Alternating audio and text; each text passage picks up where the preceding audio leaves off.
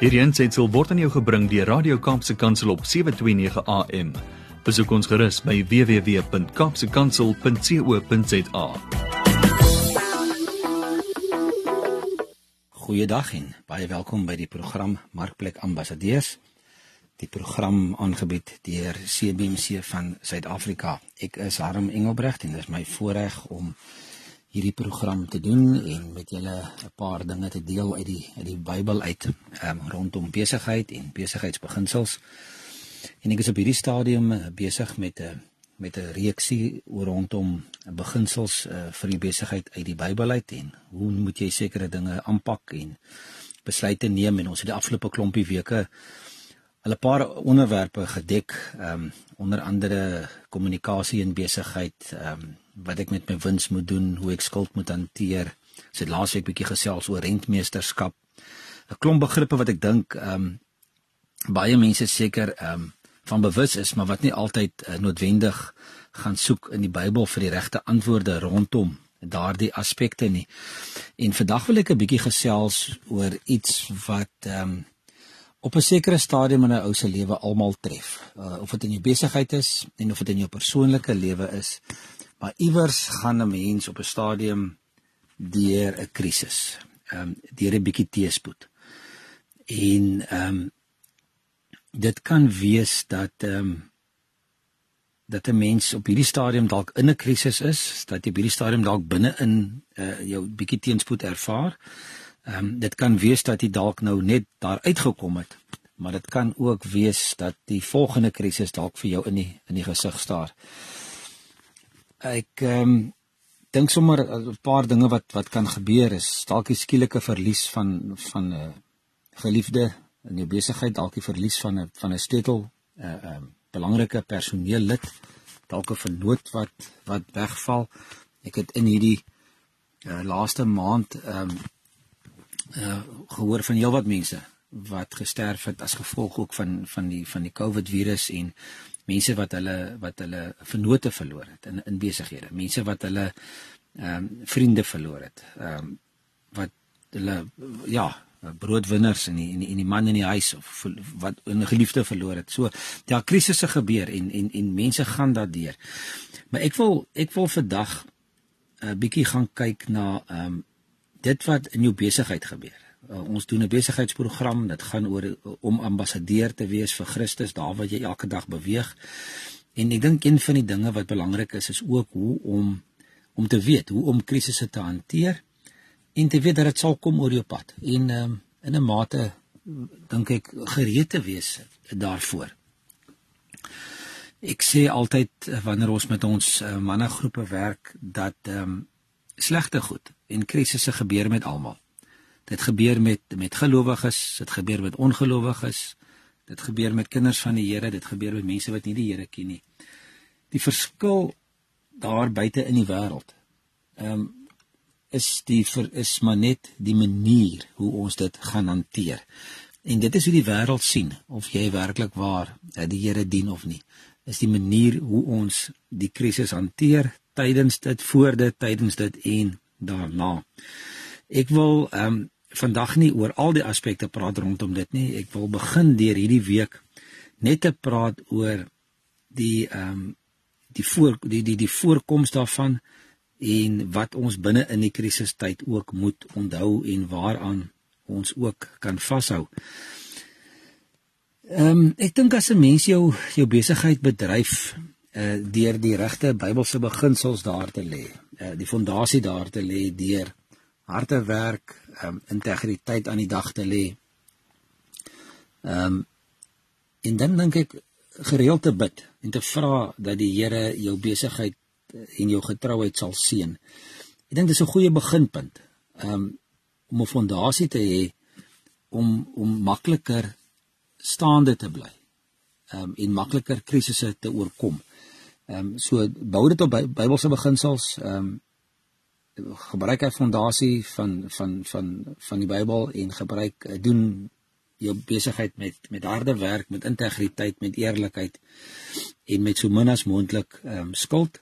uh persoonlik en besigheidskuld en dan bid jy dat die Here jou werk en jou getrouheid sal seën. Dit vrywaar jou nie van krisisse nie. Die krisisse kan nog steeds kom te midde van dit en ons gaan nou in die Bybel kyk na sogenoemde uh, of of sogenaamde goeie mense wat wat die Here gedien het en wat nog steeds krisisse beleef het. En die vraag wat 'n mens baie keer kry is, hoekom gebeur slegte goed met goeie mense? En ehm um, ek dink nie dis 'n goeie vraag nie, want ek ek weet nie of of daar altyd ehm um, as ek die Bybel reg lees, dan is daar ehm um, sê die woord vir ons duidelik niemand is goed nie behalwe God. Ehm um, so die die vraag is of dit of dit met goeie mense gebeur is is is dalk verkeerde vraag. Die vraag is hoekom gebeur dit met mense wat lief is vir die Here? Hoekom gebeur krisisse met mense wat die Here dien? Hoekom gebeur krisisse met mense wat gehoorsaam is aan God? En ehm um, ek dink ons kan miskien 'n bietjie daarna kyk. Uh, dalk volgende week 'n bietjie uitbrei op dit. Maar ek wil nou net eers vir jou twee goedjies sê voor ons verder gaan. Die eerste ene is wanneer jy deur 'n krisis gaan, nou net daar uitgekom het, dalk binne in dit sit en en met hierdie COVID weet ons dat ehm um, uh, meeste van die besighede is in 'n krisis as gevolg van dit. Daar's 'n groot finansiële krisis, die die die die wêreldekonomie is is is agteruit. Ons eie land se ekonomie gaan dit nie meer goed nie. Besighede kry swaar, besighede maak toe. So ja, dis 'n moeilike tyd. Maar as twee goed wat ons moet onthou. Nommer 1, God is groter as enige krisis. Moenie in jou krisis of in die probleem vaskyk, jou oë so vestig en en vasnaal op dit dat jy jou oë van God afhaal en van hom vergeet nie. So dis die eerste ding. God is in beheer en hy is groot groter as enige krisis. Daar's niks wat hom verbaas of verras nie. Ehm um, hy weet van alles en ons gaan net 'n bietjie daarna kyk. Maar nommer 1 onthou net dit. God is groter as enige krisis. Die tweede ene wat wat wat wat ek vir jou wil sê is dit maak nie saak wat die krisis of die probleem of die teenspoed is wat deur jy gaan nie. Jy is nie alleen nie. Maak nie saak waar deur jy gaan nie, jy is nie alleen nie.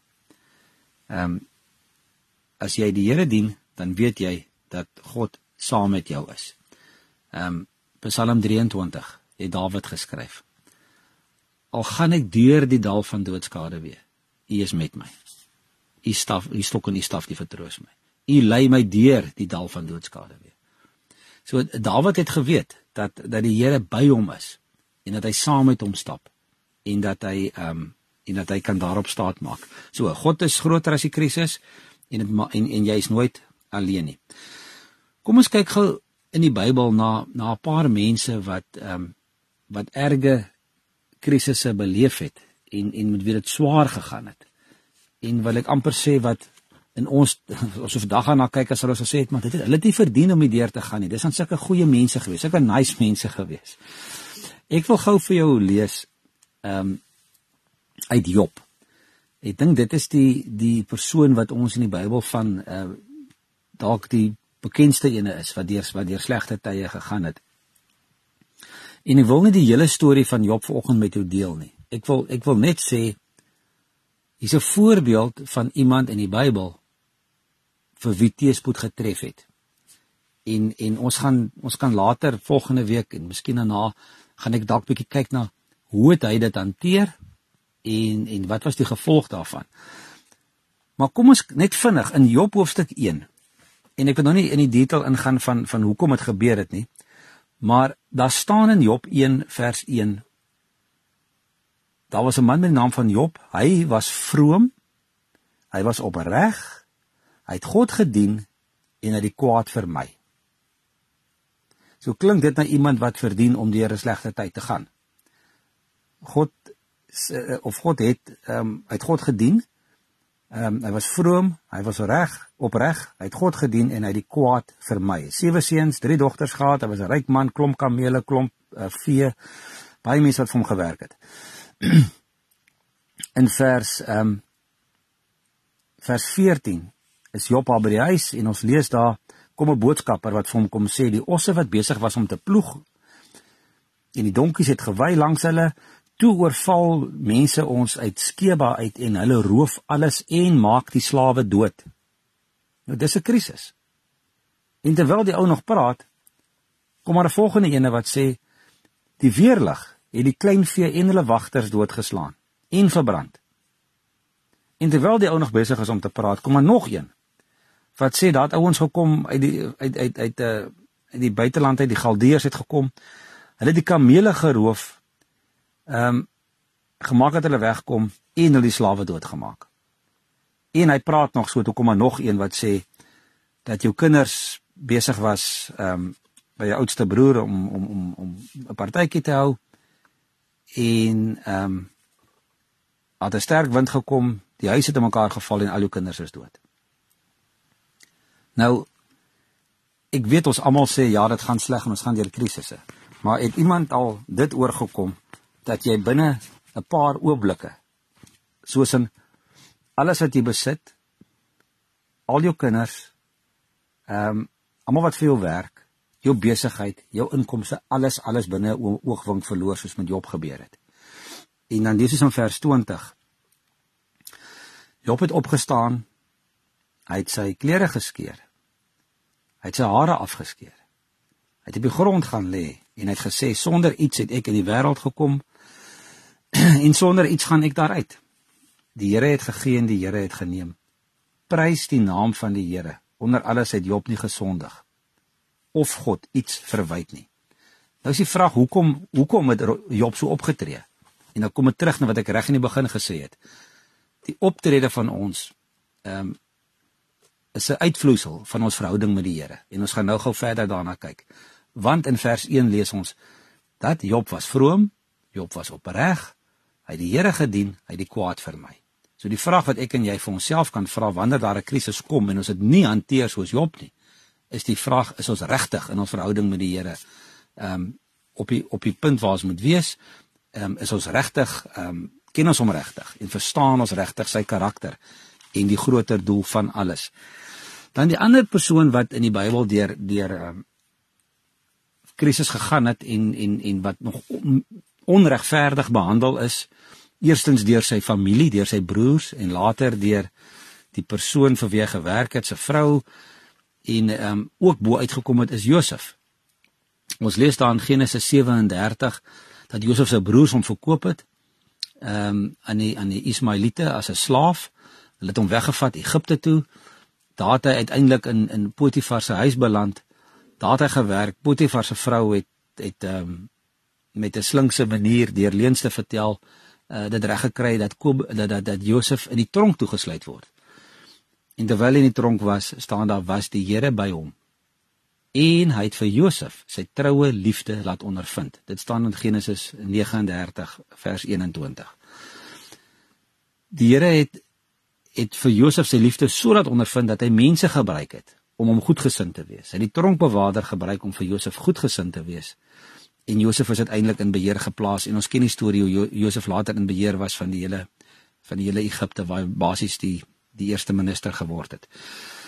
Dan ehm um, Moses, toe hy met die volk deur die woestyn trek, het hulle daar in ehm um, Eksodus 14 het hulle te staan gekom voor die voor die Rooi See met die met die farao en sy manne wat hulle agterna sit.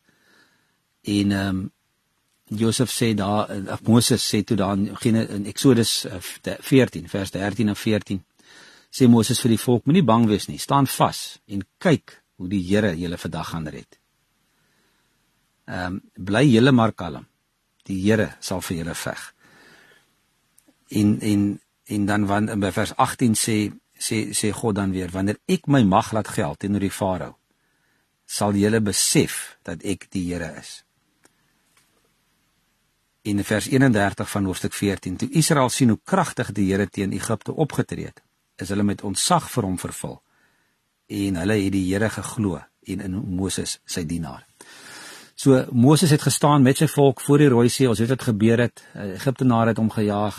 Ehm um, die Here die die die die die see vir hulle oopgemaak, hulle deurgetrek en die en die ehm um, Egiptenare uh, het dit nie gemaak nie. Hulle is daarso ehm um, uh, verswelg deur die deur die water. Maar 'n krisis wat Moses voorgestaan het um, hy moes dit reg hanteer en God was met hom en hulle is daardeur en hy het hulle gered. Daniel is nog 'n voorbeeld. Dan Daniel 6 lees ons dat Daniel en sy vriende in die leeukuil ge gegooi word as gevolg van hulle geloof. So weer eens ehm, 'n um, krisis wat half onverdiend daar was en hulle het um, hulle is daar ingegooi en hulle het um, hulle het oorleef. Paulus wat gemartel is, wat skibreek gelei het, eh, wat in die tronk gegooi is, ehm wat in kettinge was. Jy kan die storie gaan lees daar in Handelinge 16 uh hoofstuk 27 en hoofstuk 28. Alle krisisse ehm um, is pynvol op 'n manier. Dis emosioneel uitmergelend. Ehm um, dit kan finansiële verliese wees. Maar as ons uit God se perspektief kyk en sy perspektief behou, deur sy oë daarna kyk, is daar altyd uitkoms daar's niks so belangrik in sulke omstandighede om te weet wie God is nie. Om sy liefde te ken, sy sorg en sy beheer en sy krag te ken nie. Uh, ken God se karakter, verstaan hom, uh, leer hom beter ken en dan gaan dit ook vir jou um, op 'n ander manier gaan jy dan hierdie krisisse kan hanteer en daar kan deurgaan. Want dit doen ons God nie ten volle ken nie en ons 'n verwronge idee van hom het en van sy doel sal ons nooit krisisse verstaan nie en ons sal ook nie daaruit kan leer nie. Nou in die woord wil ek net gou vir julle twee goed aan uh, na, na toe verwys. En die een is God se liefde vir ons en die ander ene is die feit dat hy altyd in beheer is. En as ons gaan kyk daarso na God se liefde vir ons, wil ek eerstens gou vir jou gaan vat daarna um 1 Johannes hoofstuk 4 toe.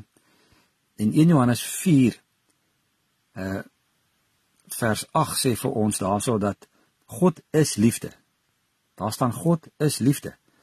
Ehm um, en dit is die die ding wat wat ons moet onthou dat hy's die hy's die oorsprong van liefde. Hy's die een wat wat ons liefhet. Daar staan wie nie liefhet nie, het geen kennis van God nie, want God is liefde. Die volgende ene is daar in ehm um, Johannes 15 vers 9 waar waar ehm um, Jesus praat oor die storie oor die wingerdstok, né? Dan staan daar so: Soos die Vader my liefhet, het ek julle ook lief. En julle liefde uh, en julle moet in my liefde bly. So soos die Vader vir Jesus liefhet, so het hy ons lief. So hy het ons lief. Daar, ek meen, nou dink jy ons kan daaroor redeneer nie. Ehm um, Johannes 3 vers 16. Want so lief het God die wêreld gehad dat hy sy seun gestuur het. So die liefde vir ons is daar. Ehm um, en ons moet onsself net heeltyd daaraan herinner en nooit vergeet van sy liefde vir ons nie. Dan wil ek net verder oor sy liefde vir ons ehm um, 'n paar dinge sê wat ehm um, wat ek net gou na wil kyk. Klaagliedere hoofstuk 3. En dit is 'n gedeelte wat wat in die Bybel wat dalk nie baie gelees word nie, maar dit is tog 'n gedeelte waar ons ook lees van iemand wat deur slegte tye gegaan het, wat deur krisisse gegaan het en wat verduidelik van hoe sleg dit gaan. En dan sê hierdie skrywer in Klaagliedere, uh, Jeremia skryf hierso in um, Klaagliedere hoofstuk 3. Hy sê in vers 18: Ek het gedink dit is klaar met my en met my hoop op die Here. Die gedagte aan my ellende is vir my gal en gif. As ek daaroor dink, as my gedagte dan draai my gedagtes vas. Dis 'n ou wat wat swaar kry, wat negatief is. Maar dan sê hy die volgende woorde: